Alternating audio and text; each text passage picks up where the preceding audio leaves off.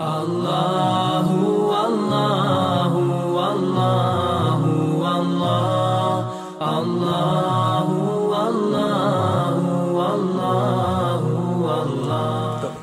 Mi smo u našem zadnjem predavanju došli do Fatihe. Do Fatihe. Govorimo o tefsiru Kur'ana, nikad početi sa Kur'anom. Nikad početi sa tefsirom. Tako. Dobro, nećemo a, mi ćemo tefsir i ćemo, znači nećemo zadržavati puno.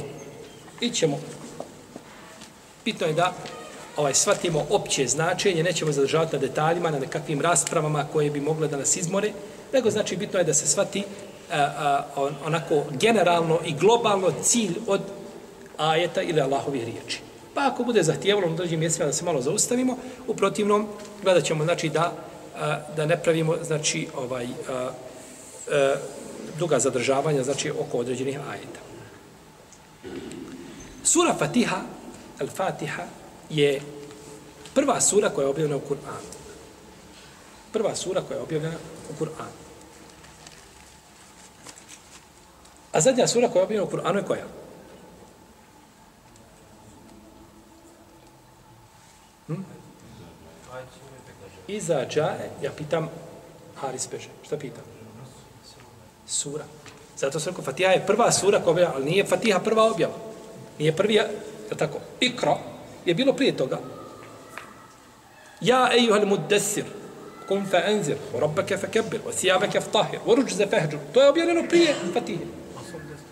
Ali mi govorimo o suri kompletnoj. Prva je Fatiha, a zadnja je suratu Nasr. Iza džaje Nasrullahi ul Fatiha. Jeste. To je prva sura, znači kao cijelokupna sura koja je objavljena I između prve i zadnje sure ima povezanost. Nije to sad ovaj vrijeme da pričamo o tome, ali ima povezanost, znači između prve i zadnje sure je jako bliska i čudna veza. Sura Fatiha je nazvana kao šifa. I o tome smo govorili, da je šta? Ona koja je lijek. I kazali smo da su tome hadisi, ha, šta? Da i hadisi. Ali je došlo praktično ono što ukazuje da ona šta je? Zaista da ona zaista lijek. Jer kada je Ebu Sejd al-Hudri učio onome čovjeku, nevjerniku, nemuslimanu, kada je učio šta? Fatihu. Učio je Fatihu i ona ga izliječen je tako bio. Učenjaci, a, ljet, liječnici, lekari, ja govorim ono što su davno nekada Olema govorilo, razumijem se u savremenu medicinu, kažu, a vjerujem da je tako, da je čovjeku bitno propisati odgovarajući lijek, i količinu tog lijeka. Tije, te dvije komponente jako bitno. Odgovarajući lijek za tu bolest i to tako, i količinu. Pa ljudi ponekad, je tako, antibiotike piju, dvojica bolest na isti način, vidi se onaj, jeli, po spolješnosti, ovaj, simptomi isti, jednom antibiotik pomogne, drugom ne pomogne. Jer se ta ne može, ha, virusi i bakterije ne, riješ, ne liječe se na isti način. Pa se mora propisati šta odgovarajući lijek. I mora se propisati doza. U hadisu kod Tirmizije, ovaj hadis da je Ebu Sedel Hudri učio ovome čovjeku Fatihu, navodi se kod Buhari u Sahiju. Ali u rivajetu kod Tirmizije se kaže da mu je proučio sedam puta. Pa imamo odgovarajući lijek, imamo šta? Imamo ako možemo kazati tako dozu. Mamo, znači šta se uči? Došao je čovjek poslaniku, sa osrem i kaže, Allah poslaniće, moga brata boli stomak. Kaže, neka pije med. Neka pije med. Pa je pio med i ovaj, popio jedan dan pio med, došao, kaže, Allah poslaniće, boli ga stomak. Kaže, neka pije med. Pa je, znači, samo da se razumijemo odmah. Ja nemam ništa sa našim trgovcima koji prodaju med. U redu. Med je koristan, a ovaj, kogod da ga prodaje. Da li neko pomislio da je ovaj uh, dogovor. A, neka pije med. Pa i posle drugog dana došao, Allah uposliniče, boli ga stomak. Kaže, neka pije med, treći dan. Pa je ozdravio. Pa je propisao šta? Lijek, dozu, količinu. Pa je propisao količinu. Ovdje je došlo, znači, da je učio Fatihu šta? Sedam puta, znači da je proučio Fatihu, pa je, pa je ozdravio. Pa čovjekovo tijelo treba energiju, treba stan. Trebaš tri puta da jedeš dnevno, je tako? Ili ko manje jede bar dva puta da bi ti mogao normalno funkcionisati. Trebaju ti znači tri obroka, ali tvoje tijelo treba 17 obroka. Odnosno tvoja duša, oprosti. Tvoja duša treba 17 obroka, to je 17 rekiata na, kom se, na svakom rekiatu se uči Fatiha jedan put. Da bi tvoje, tvoja duša išla, duša je puno zahtjevnija od tijela. Da. Tijelo usput, sandvič i to je to. A duša nije tako. Duša hoće da od njoj vodiš račun.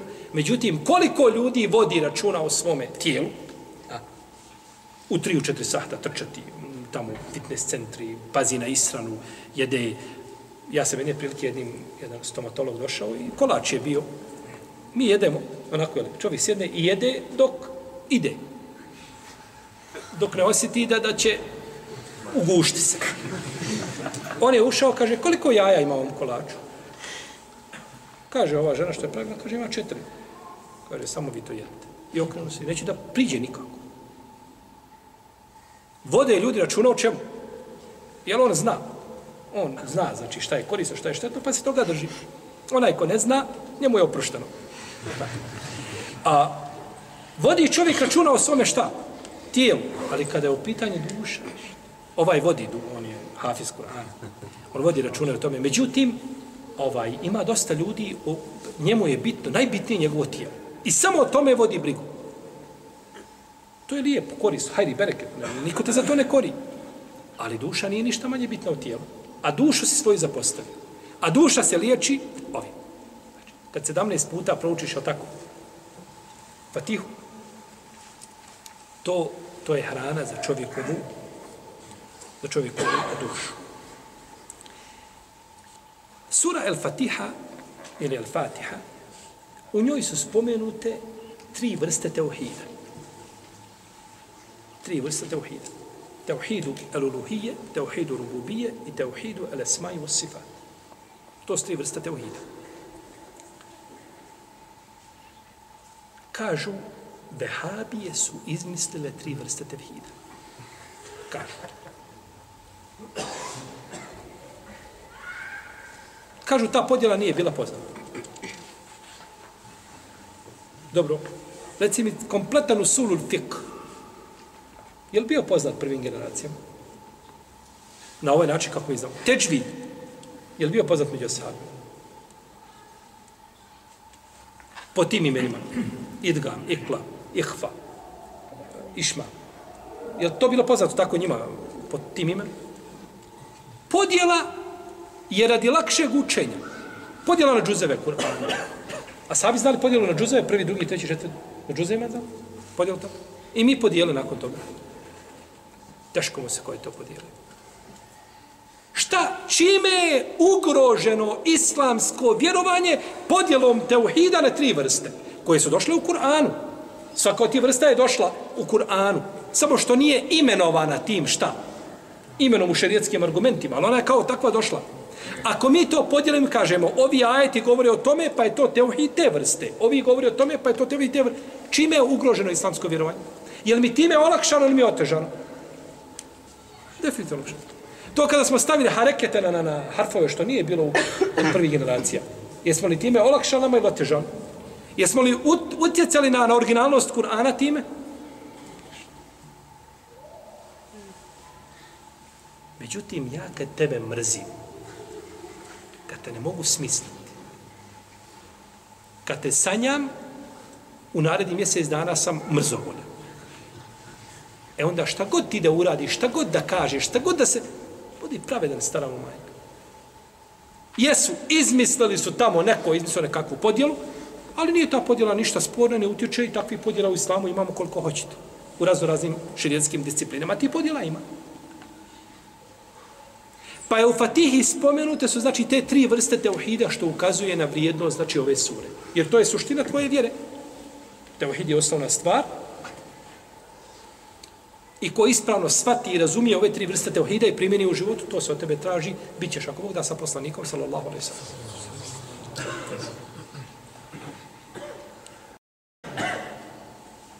Alhamdulillahi Rabbil Alamin. Koja je to vrsta tevhida? Rububija. Iyake na'bud. O iyake nesta'in. Ruhijet. Ar-Rahman, Ar-Rahim. Svoje i Tri vrste teuhida sadržane, znači, u, u toj plemenitoj, znači, u toj plemenitoj, jeli, suri. I ova sura počinje sa Elhamdulillah. Sa Elhamdulillahi Rabbil Alamin. Pet sura u Kur'anu počinje sa Hamdom.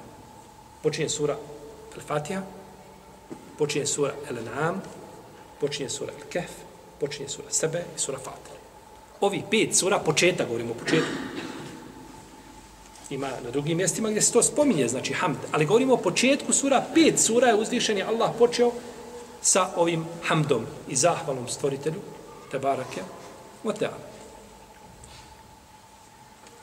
Autor je ovdje počeo pa kaže riječ uzvišenog Allaha Elhamdulillahi Rabbil Alamin. Počinje šta? Fatihu. Međutim, autor nam nije spomenuo bismile. Nije spomenuo Bismillahirrahmanirrahim. Zato što je razilaženje među islamskim učenjacima po pitanju besmele ili bismile, kako mi kažemo, veliko, da li je bismila sastavni dio Kur'ana ili nije. Ili je to samo znači ovaj a, nekak, ne, ne, nekakva naznaka za početak novih ajeta, granica, znači, gdje, proste sura, gdje završava, znači jedna sura počinje druga, ili to sastavni dio sura. Pa se ulema oko toga razišli. Ili je sastavni dio samo Fatihe, a nije ostali sura. Jer mi imamo, znači, imamo 114 bismila, znači, u Kur'an, s tim što jedna nije na početku, nego se nalazi unutar, znači, sure i govorit ćemo o tome kada dođemo, jer je sura, znači, teube, nema u njoj bismila. Pa se razilaze u tom pitanju veliko razilaženje. Imam Razi u svome tefsiru, Amar Razi u svome tefsiru, govori na oko 150 stranica dokazuje da je bismila sastavni dio Kur'ana. A Imam El Alusi, od poznije učenjaka mu Fesira, on je umro 1270. hiđarske godine, na 300 stranica dokazuje da nije. Pa znam kako je to razilaženje među šta? Među islamskim učenjacima. Pa je razilaženje veliko. I imamo sa svake strane veliku ulemu koja je odabrala jedno i drugo mišljenje. Pa, uh, ali je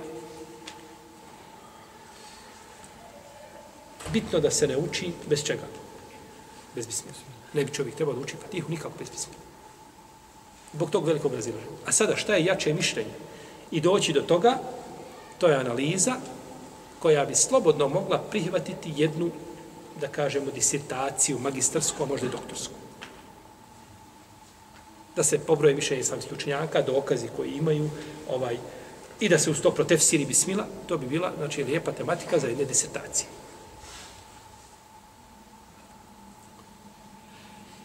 U hadisu kod muslima se kaže podijelio sam namaz između, između mene i moga roba na dva dijela. Pa kada moj rob kaže Alhamdulillahi Rabbil Alamin, hvala Allahu Teala, hamideni abdi, kada moj rob kaže hvala Allahu gospodaru svjetova, Allah kaže moj me rob hvali. Pa nije spomenuta šta? Bismillah. To je najjači dokaz da bismila nije sastavni dio čega? Pa ti. Međutim, imamo hadis Ebu Hurere kod imama Bejheqi u njegovom sunanu, u drugom tomu. Da je poslanik sa osaneme rekao da je Fatiha, da je Bismila sastavni dio Fatihe. I taj hadis je vjerodostojno cijenio šeha Albani. I šeha Selim el-Hilali i drugi. Šeha Selim el-Hilali u svojim opaskama na dijelo El-Kjafi od imama Ibn Abdelbera, u prvom tomu je ocijenio ovaj hadis vjerodostojno. Međutim, hadis se prenosi kao riječi Ebu Hurere i kao riječi poslanika. Znači, merfuan i meukufen. A to je razilaženje kod hadijskih stručnjaka uvijek između ar-rafa wal waqf nešto što se diže do poslanika, sa osim veže se za njega hadis, i nešto što su riječi ashaba, i tu je, znači, ovaj, a, to je problematično zato što ovo pitanje ičtihada. Da li jedan rivajet smatrati da on može biti, jednom ga ashab rekao, može li jedne prilike Ibn Abbas da govori, spomene hadis i ne pripiše ga poslaniku, sa osam. Može. Može. A drugi put ga šta? Sjedimo i pričamo naučno predavanje. Ibn Abbas kaže svemu, i čuo sam poslanika, sa osam da je rekao tako, tako i tako. I govori hadis. A drugi put čovjeku kaže nešto i ne spomene da je to poslanik, sa osam rekao. Možete i čovjeka, kad nešto kaže, imam problem, kažeš, ne brivi se. Tijela se cijene prema namjeru. Nisi spomenuo šta? Da je to? A to hadis. A drugi put nešto ne kažemo, ne boj se, Allahov poslanik, sallam kaže, djela se cijene prema namjeru. Pa može ponekad biti ime u kuf i merfu. A ponekad se daje prednost me u kufu, a ponekad se daje prednost rivajet koji... I o tome, u, u tom pogledu, znači islamski učenjaci je, je ako možemo kazati, rat među njima, rat dokaza, da li je određeni rivajet, našto hadijski stručnjaci velikani, poput, poput imama Ahmeda, poput imama Ibn Ma'ina, Ali Ibn Medinija, da rekutnija imama Behekija i Ibn Ređepa i njima sličnima, koji su bili vezani za te skrivene mahane hadisa, Oni znači o tome govore. Da li je nešto merfua ili je maukuf. A ovaj hadis je došao sa dva puta. Šeha Albani kaže i jedno i drugo je ispravno. Jedne prilike kazao ovako, je Buhari drugi put kazao ovako. I nije sporno. Jer imam Beheke kad je spomenuo ovaj hadis u sunanu, on navodi šta? I rivajet koji ima ukuf. I to je sad, ha, ako su samo riječi Ebu Hureyre, onda je, imamo Ebu Hureyre da sahaba koji je skazao suprotno tome. A ako bi bile riječi poslanika, sallallahu sallam, onda nema čega. Nema diskusije. Tako da je u svakom slučaju ovaj ne treba se ostati nikako znači bismila na početku znači ovaj sure proučiti je jer u tom slučaju može se lako dovesti da nije proučena znači sura u cijelosti a to bi dovelo u pitanje namaz. Naravno, dovelo u pitanje namaz onome ko, ko smatra šta? Onaj ko je ubjeđen da nema, evo, ovdje nama ovaj naš veliki imam, rahimehullahu ta'ala, Kurtobi, nije spomenuo bismile nikako. Jer kod Malikija, kada se klanja, nema bismile ni u sebi, ni na glasu. Proučiš subhanake, proučiš euzu, i kažeš, alhamdulillah, rabbil alamin. Bismillah se nikako prouči. Za razliku od ostala tri imama, Ebu Hanife, imam Ebu Hanife, Šafi, imam Ahmed, kažu ne, uči se. Pa se onda oni razilaze koji kaže da se uči kako se uči, na ili u sebi. Ebu Hanife, imam Ahmed kaže uči se u sebi, imam Šafija kaže uči se na glas. Šta je razilaženje? Hadis Enesa, koga bilježe Buharija Muslim, u kome kaže nisam čuo poslanika, sa osrme, ni Ebu Bekra, ni Omara, kaže, počinjali su učenje u namazu sa alhamdulillahi rabbil alamin. Kaže, imam Malik, vidiš. Počeo su učenje tim. Nikako, znači nije učeno. Ovi kažu, ne, učenje je bilo tako naglasa. Prije toga je proučena bismila šta? Tiho. Pa je tu, znači, razilaženje, jeli, među islamskim učenjacima. Međutim, ima rivajet kod muslima, kaže se, počinjali su učenje sa eh, Alhamdulillahi Rabbil Alemin, a učili su tiho Bismillahirrahmanirrahim pa je znači Fatiha učen, ali nije na glas. Pa ispravnije mišljenje mama Ebu Hanife i mama Ahmeda da se Fatiha ne uči, na, a, da se sura ne, da se Bismila ne uči na glas. Imam neće učiti Bismilu na glas. Osim što kažu neki islamski učenjaci, ako bi čovjek bio ili imam među ljudima koji ne znaju, ne poznaju propise, Pa da pomisle da se bismila ne uči, onda mu je lijepo da ponekad prouči šta? Bismilu na glas. Bismilu na glas. Ima hadis u učenju bismila na glas, koga je prihvatio kao imam šafija, neki su učenjaci to prihvatili, kažu da bi moglo proći, međutim, ono što je bila, ako je to bilo, to je bila redka praksa, ovdje se vidi da je poslanik sa Ebu Bekri Omer šta nisu izgovarali. A ako poslanik sa Ebu Bekri Omer nisu nešto radili, to je to. To je pečet.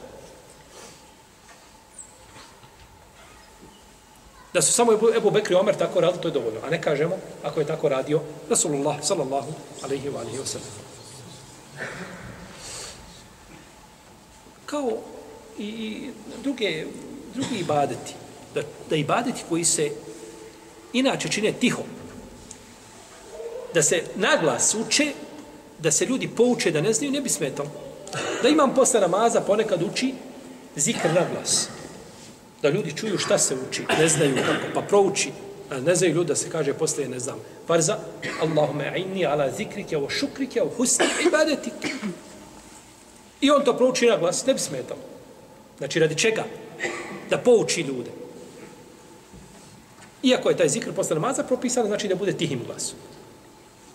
Ibn Abbas je učio dženazu, klanjao, kako došlo kod Nesaji u Sunanu, i učio Fatihu na dženazi na glas. Ja Ibn Abbas, pa niko to ne uči na glas. Pa zna Ibn Abbas zašto je to radio. Da ljudi, pa kažu što, kaže, htio sam da znaju da je to sunnet. Jer da je proučio u sebi, niko ne bi znao da je sunnet, jel tako? Ali kad prouči na glas, svako zna da je Fatiha šta?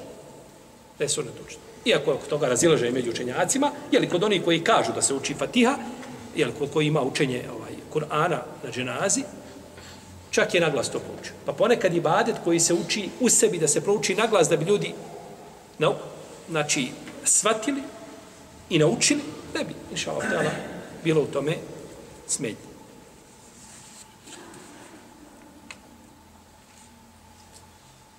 Dobro. Alhamdulillahi Rabbil Alamin. Bileži Ebu Muhammed Abdul Gani ibn Sa'id al-Makdisi od Ebu Hurere da je poslanik i od Ebu Sede al-Hudrija da je poslanik, sam sam rekao, kaže, kada rob kaže Alhamdulillahi kala Allahu sadaka abdi alhamduli kaže, kada rob kaže Alhamdulillah Allah hvala, kaže, moj rob je istinu rekao, meni zaista pripada hvala. El hamdu ovdje je došlo sa određenim članom. Određeni član, el. Znači, obuhvata apsolutnu zahvalu. Sve vidove zahvale u svako vrijeme i na svemu. Elhamdu lillah, Allahu sallam. Jedino uzvišenom Allahu. Nema niko, znači nije niko u tom propisu, ovaj, iako se čovjeku može zahvaliti na nečemu, ali je ta zahvala ograničena, a Allahu pripada znači apsolutna neograničena zahvala. Došao kod muslima u sahihu danas ibn Malika da je rekao, rekao je poslanik sallallahu alejhi ve selleme Allah je zadovoljan od svoga roba kada pojede zalogaj ili proguta, e, pojede zalogaj ili popije gutljaj vode da zahvali svome gospodaru. Pojede zalogaj ili popije gutljaj vode da zahvali, da kaže Elhamdulillah.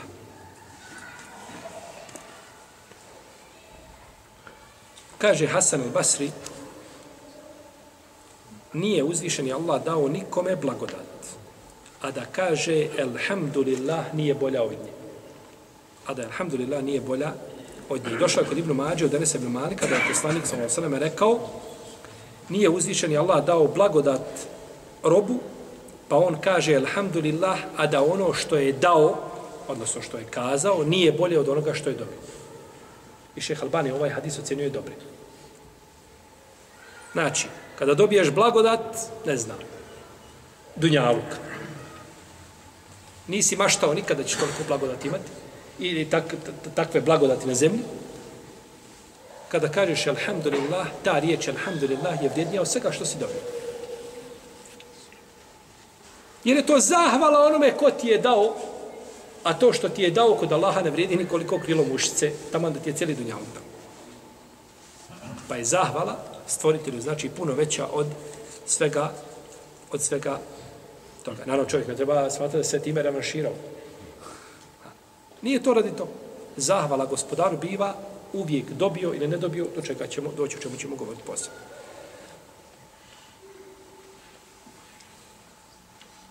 Bileži imam El Hakim Etirmizi u svom dijelu navadir u. To nije Ebu Isa Tirmizi, autor sunena, to je jedan drugi učenjak koji je živio kasnije, poslije njega. Da je poslanik sa osam rekao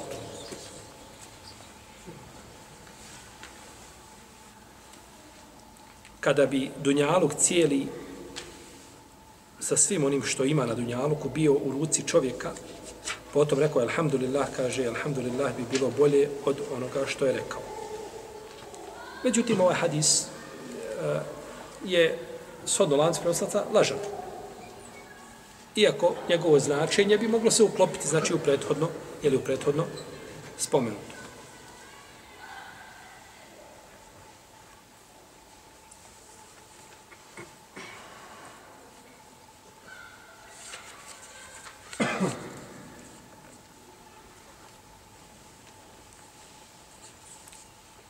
Zato što je dunjalog prolazan. I sve što je njom prolazno. A riječ, alhamdulillah, ostaje. Ona je vječna i trajna.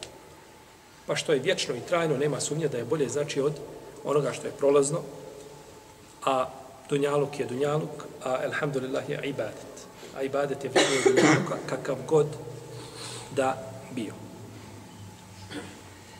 I to je od onih riječi, znači koje ostaju, wal baqiyatu salihatu khairun inda rabbika thawaban wa khairun amala. A dobra djela koja vječno ostaju, bit će kod gospodara tvoga bolje nagrađena i ono što se čovjek može ili pouzdati. I biliž imam Ibn Mađa od Ibn Omara da je poslanik sa rekao jedan od Allahovi robova je rekao gospodar moj tebi prihvada zahvala lekel hamd kako doliči tebi i tvome plemenitom licu, tvome veličanstveno i tvoje veličanstvenoj vlasti. Pa je pa su ove riječi zabrinule meleke koji pišu dobra djela, pa su došli kod gospodara uzvišenog Azeođeli i upitali ga gospodaru kako da upišemo ove riječi. Nismo ovako nešto nikad čuli. Ovo je prvi zikr koji čujemo na takav način. Kako da ih zapišemo? Pa uzvišen Allah rekao, kaže, zapišite onako kako ste ih čuli, kaže, dok se moj rob ne vrati, da me sretne sa njima, da ga ja nagradim. Tako kako on rekao, tako zapišite. To je moja nagradanja. Ovaj hadis bilježi bromače. Ali hadis daif. Hadis je daif.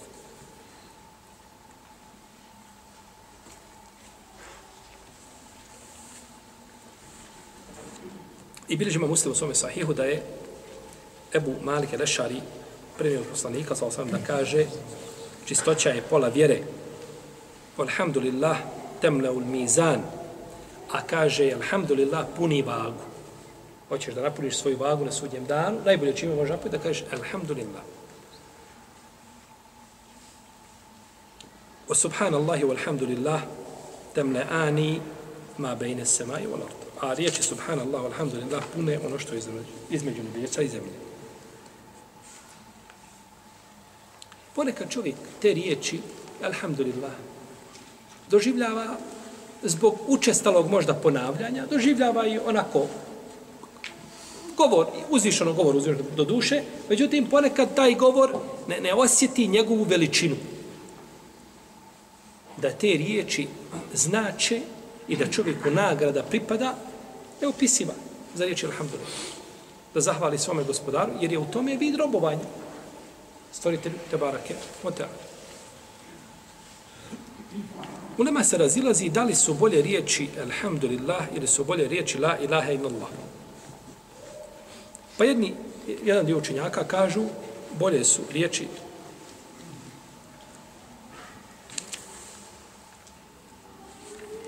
alhamdulillah. Alhamdulillah rabbil alamin kaže da su bolje. Jer u ovim riječima ima teuhid. Vohu la ilaha illallah. Alhamdulillah, zahvala pripada jedino Allah. Znači da je on jedini šta? Ako je on jedini kome zahvaljuješ, onda je jedini koga šta? Obožavaš. Je tako? Jedini koga obožavaš. Jer niko drugi ne zaslužuje da bude obožavan. Dok, dok kažu, a riječi la ilaha illallah ne sadrže riječi alhamdulillah. Ne sadrže alhamdulillah. Nema je tako, istinsko božanstvo osim Allah. U njima nemaš čega? Ima li zahvale? Nema. Pa kažu, ovo je bolje, jer ovo ima, znači, dvostruko, jel, značenje. Dok kažu neki učenjaci, ne, la ilaha illallah su bolje, jer la ilaha illallah, kaže, to suzbija nevjerstvo i, i širk. I to su riječi teuhida. Pa su te riječi bolje i zbog njih su poslanici poslani ljudima, zbog tih riječi, da se te riječi uspostave. I zbog tih riječi su a, mušici neke pristali da budu poubijani i da njihove žene budu roblje i da njihovi metak ode i sve samo da ne kažete riječi. Samo da ih ne izgovore. Jer su znali šta znači te riječi. Da se obožava samo dok kažeš la ilaha illallah, trebaš to na put pravo kuda? Prema kjabi. I porušiti sve komire koje ima se klanja. Pa su razumijeli, shvatili značenje ti riječi. Kaže poslanik sa osanem, najbolje što sam kazao ja i poslanici prije mene, jeste la ilaha illallah wahdahu la šarike lahu. To su riječi koje su, najbolje znači koje su rečene.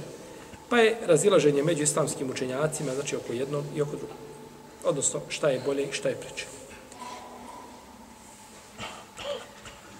Alhamdulillah, kada se kaže, time se misli na potpunu zahvalu, znači apsolutnu zahvalu, zbog znači elifa i lama, odnosno određenog člana koji je došao uz ove riječi. Pa nije ostavljena ni jedna vrsta zahvale, znači, a da njom čovjek nije zahvalio svome gospodaru. Kaže šehhul islam ibn Tejmije, kada je spomenuo Alhamdulillah, kaže, vidite, uzvišeni Allah hvali samoga sebe. Odnosno, zahvaljuje šta? Ovo je pohvala. Kad uzvišeni Allah govori o sebi, onda to pohvala. Uzvišeni Allah neće zahvaljivati samome sebi. Nego je to s njegove strane pohvala. Pa voli da mi njega hvalimo i da mu zahvaljujemo njegovim riječima. Što je blagodat nama. Nije uzvišen Allah kao robe moj Muhammede. Izmisli ti kako ćeš mi zahvaliti. Nego Allah nas poučio kako da mu šta? Da mu zahvalimo. To je najbolji znači vid zahvale, onako kako te, to je gospodar. U protivnom mi možemo zahvaljivati. Je li to zahvala, ima li u toj zahvali primjesa nečega drugog Allah zna, nego uzvišeni Allah te poučio kako da mu ti zahvališ.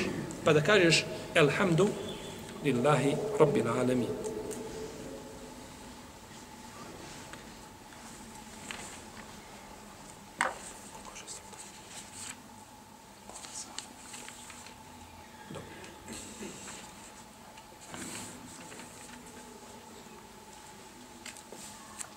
Islamski učenjaci isto tako razilaze da li su el hamdu, da li je hamd i šukr, da li je to isto? Jer hamd je zahvala, a i šukr je zahvala. Je tako? Pa od toga je došlo da mi imamo ime šakir. Kod nas je to šakir. To je neko i stalno šta? Zahvaljuje Allah. Da li su hamd i šukr isti ili među njima postoji razlika? Predmete razilaženja među islamskim učenjacima.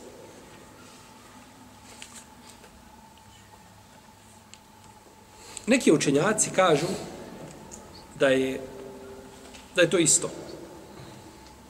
I nema razlike među njima. Drugi kažu da je šukr obuhvatniji od hamda. A neki kažu da je hamd obuhvatniji od šukra. Širi sveobuhatni. Znači njegovo značenje šire i veće od suprotne riječi. Ne suprotne, nego riječ koja bi bila identičnog značenja. Znači, hamd i šukr. Ispravno je da postoji razlika između hamda i šukr. I da je razlika precizna među njima. Prvo, hamd biva uvijek. Allah blagodat, ne blagodat, nedaća, uvijek je hamd. A šukr biva samo kada dobiješ blagodat. Pa nećeš kad te snađe nedaća kazati Allahume leke šukr. Ne kažeš Allahume leke alhamd. Allahume leke alhamd. Kažeš alhamdulillahi ala kulli hal. Strašno te nešto što ne voliš, kažeš Elhamdulillahi ala kulli hal. Hvala Allahu u svim stanjima i u situacijama. Tako je kako je. A ne šeći Allahum leke šukr. Ne, tad se ne govori šukr. Pa, hamd znači biva uvijek i na svemu. I blagodat, i nedaća, i kada je nekakvo znači, stanje koje je klasično, standardno, bez blagodati posebni. Dok šukr biva samo kada je, znači, kada je čovjek počašćen nekakvom blagodaću.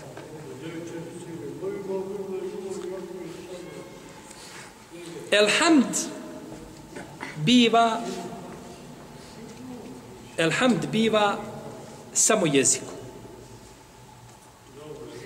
Dok šukr biva jezikom, srcem i udovima. To je razlika isto.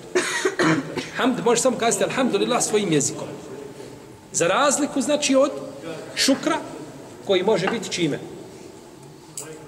Udovima, može biti čovjekovim srcem i može biti šta? Čovjekovim jezikom. Zahval. Uzvišeni Allah kaže i'melu ale Davude šukra. Radite o porodico Davudova šukr. Zahval. Radite. A ne možeš raditi hamd. Nego to biva šta? Pogledaj ti precizni šta? Razum. Pa kažemo da je hamd sveobuhvatnije jer hamulke. Kada je u pitanju, dobro me slušajte, ostim da ste sve ću umorili. Hamd je obuhvatniji kada je u pitanju razlog. Hamd je tada obuhvatniji. A šukr je obuhvatniji kada je u pitanju način ispoljavanja. Je u redu? Jer hamd je kada je razlog. I blagodat i neblagodat i uvijek u svakom stanju. A šukr samo kada je blagodat. A hamd je samo jezikom, a šukr je i jezikom, i srcem, i čovjekovim udovima. Tijelom. Pa je u ovom slučaju, znači šukr, obuhvatni. A hamd je obuhvatni kada je u pitanju šta? Razlog. E to bi bila precizna razlika između čega? Šukra i hamd. Neki učinjaci kažu hamd je bolji zato što uzvišeni Allah je rekao Nuhu a.s.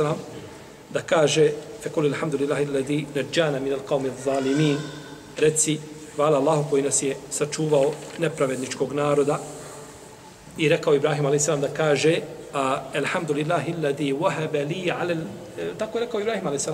alhamdulillahi alladhi wahaba li ala al-kibra Ismaila wa Ishaq Allah hvala koji je menu poznao starosti dao Ismaila i Ishaqa i u priči a, Davuda i Sulejmana وقال الحمد لله الذي فضلنا على كثير من المؤمنين على عباده المؤمنين i kaže Allahu hvala koji nas je odlikovao na mnogim njegovim a, robovima vjernicima Pokul alhamdulillahi alladhi lam yattakhid waladan čuli ste na akšamu, tako? I reci hvala Allahu koji nije uzeo sebi nije uzeo sebi dijete. Alhamdulillahi alladhi azhaba 'anna al-hazan Hvala Allahu koji od nas tugu odstranio. Wa akhiru da'wahum an alhamdulillahi rabbil alamin. A njihova zadnja doba je hvala Allahu gospodaru svjetova. Pa kažu hamd je s ove strane bolji.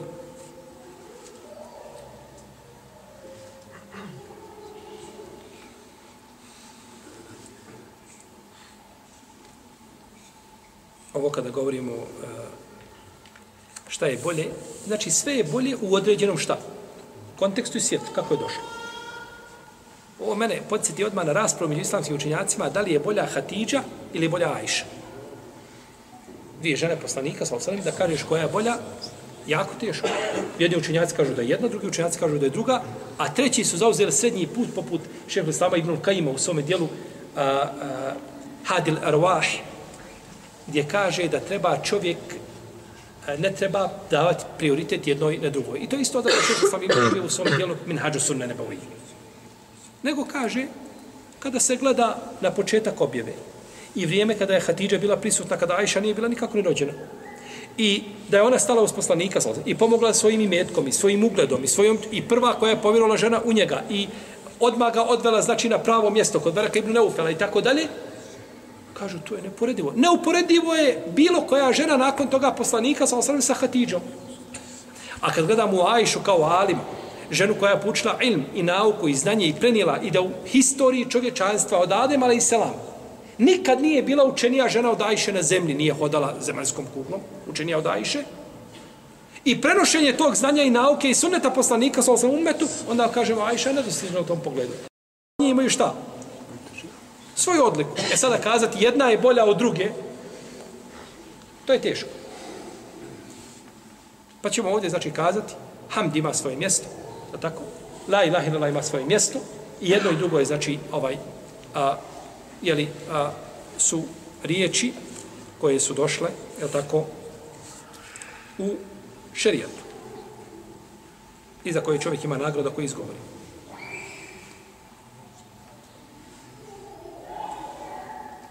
Pa je uzvišen je Allah Azzawajal počeo svoju knjigu sa zahvalom. I ova zahvala zabranio je pohvala da bude čovjek da je sa, iznosi u samome sebi. Da samog sebe hvališe. Vola tu zeku enfusekum. I nemojte sami sebe hvaliti. I nemojte sami sebe hvaliti. On zna najbolje huwa a'lamu bimeni taqa, on najbolje zna onoga ko je bogobojazan. I kaže poslanik sallallahu alejhi ve bacite zemlju u lica onih koji hvale. Pa je zahvala, sva zahvala i hvala pripada stvoritelju, ili te barake o teala.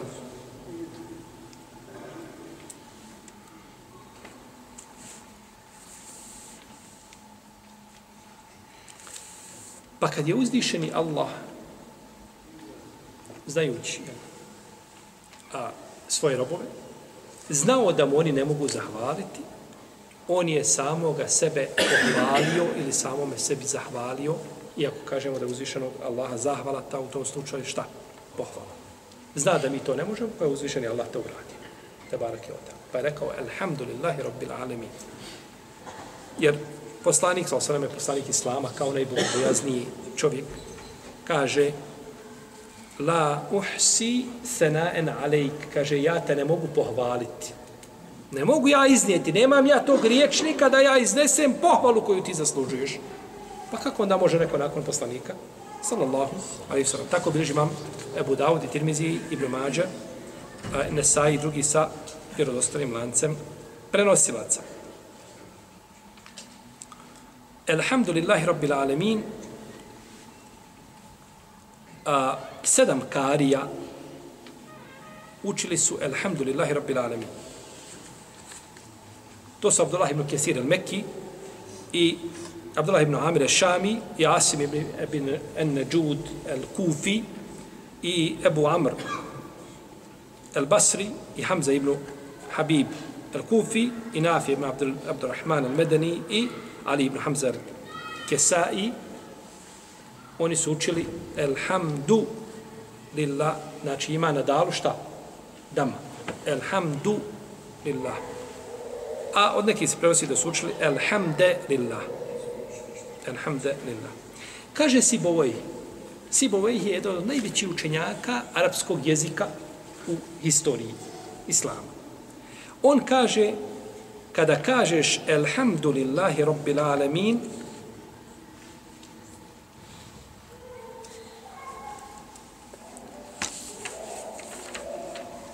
a time obavještavaš to je haber da pripada zahvala sva uzvišenom Allahu. Ali kad kažeš Elhamdulillahi Rabbil Alamin, to znači da ti hvališ Allah. Pa je Elhamdu puno šta? Šire značenje.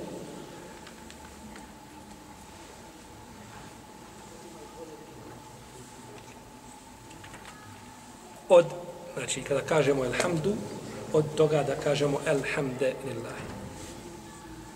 Kaže u hadisu je došlo da je poslanik sa osaname rekao koga bude zaposlilo ili zabavilo spominjanje mene od traženja od mene, da ću mu najbolje što dajem onima koji traže. Znači, ako bude šta? spominjao Allaha, a ne budeš tražio od njega, on ti daje više od onoga što bi dobio ti kada šta? Kada tražiš. Tako došao od isko je daif. Hadis je daif.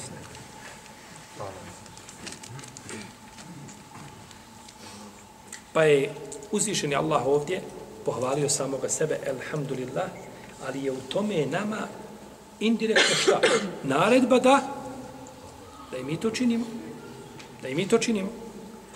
Da tako. Pa kako ne obožavamo drugog osim Allaha, tako i ne zahvaljujemo apsolutnom zahvalom nikome osim, da ne neko mislio da je zabran čovjek kazati, pogurao ti auto i da mu ti kažeš, dobro, u redu. Šta je, kaže, izvini, ja ne smijem. Poslanik kaže, sa osanem, ko nije zahvalan ljudima, nije zahvalan Allah. Zahvala ljudima je za ono što ti učini, što ti može učiniti od uslugu koju ti je učinio. A zahvala Allahu je apsolutna. Zahvaljuješ stvoritelju. Božanstvu koga isključivo njega obožavaš. Te je barak je Pa je tu razlika. Pa ne treba znači čovjek ponekad ovaj, jeli, da, da, da e, e, ostavi možda nešto što je sunnet da se čini, kada su kazali da je vađiv, ne bi smo pogrešili. Jer kaže, ko ne zahvaljuje ljudima, ne zahvaljuje šta? Ako ne zahvaljuje Allah, to je griješan. Čovjek je dužan da zahvaljuje svome gospodaru, te barake. Pa to nije znači u koliziji, jel tako? Alhamdulillahi rabbil alamin. Alhamdulillahi rabbil alamin. رب العالمين توتي على ربوت والله تعالى أعلم وصلى الله على نبينا محمد وعلى آله وصحبه أجمعين. الله الله الله الله الله الله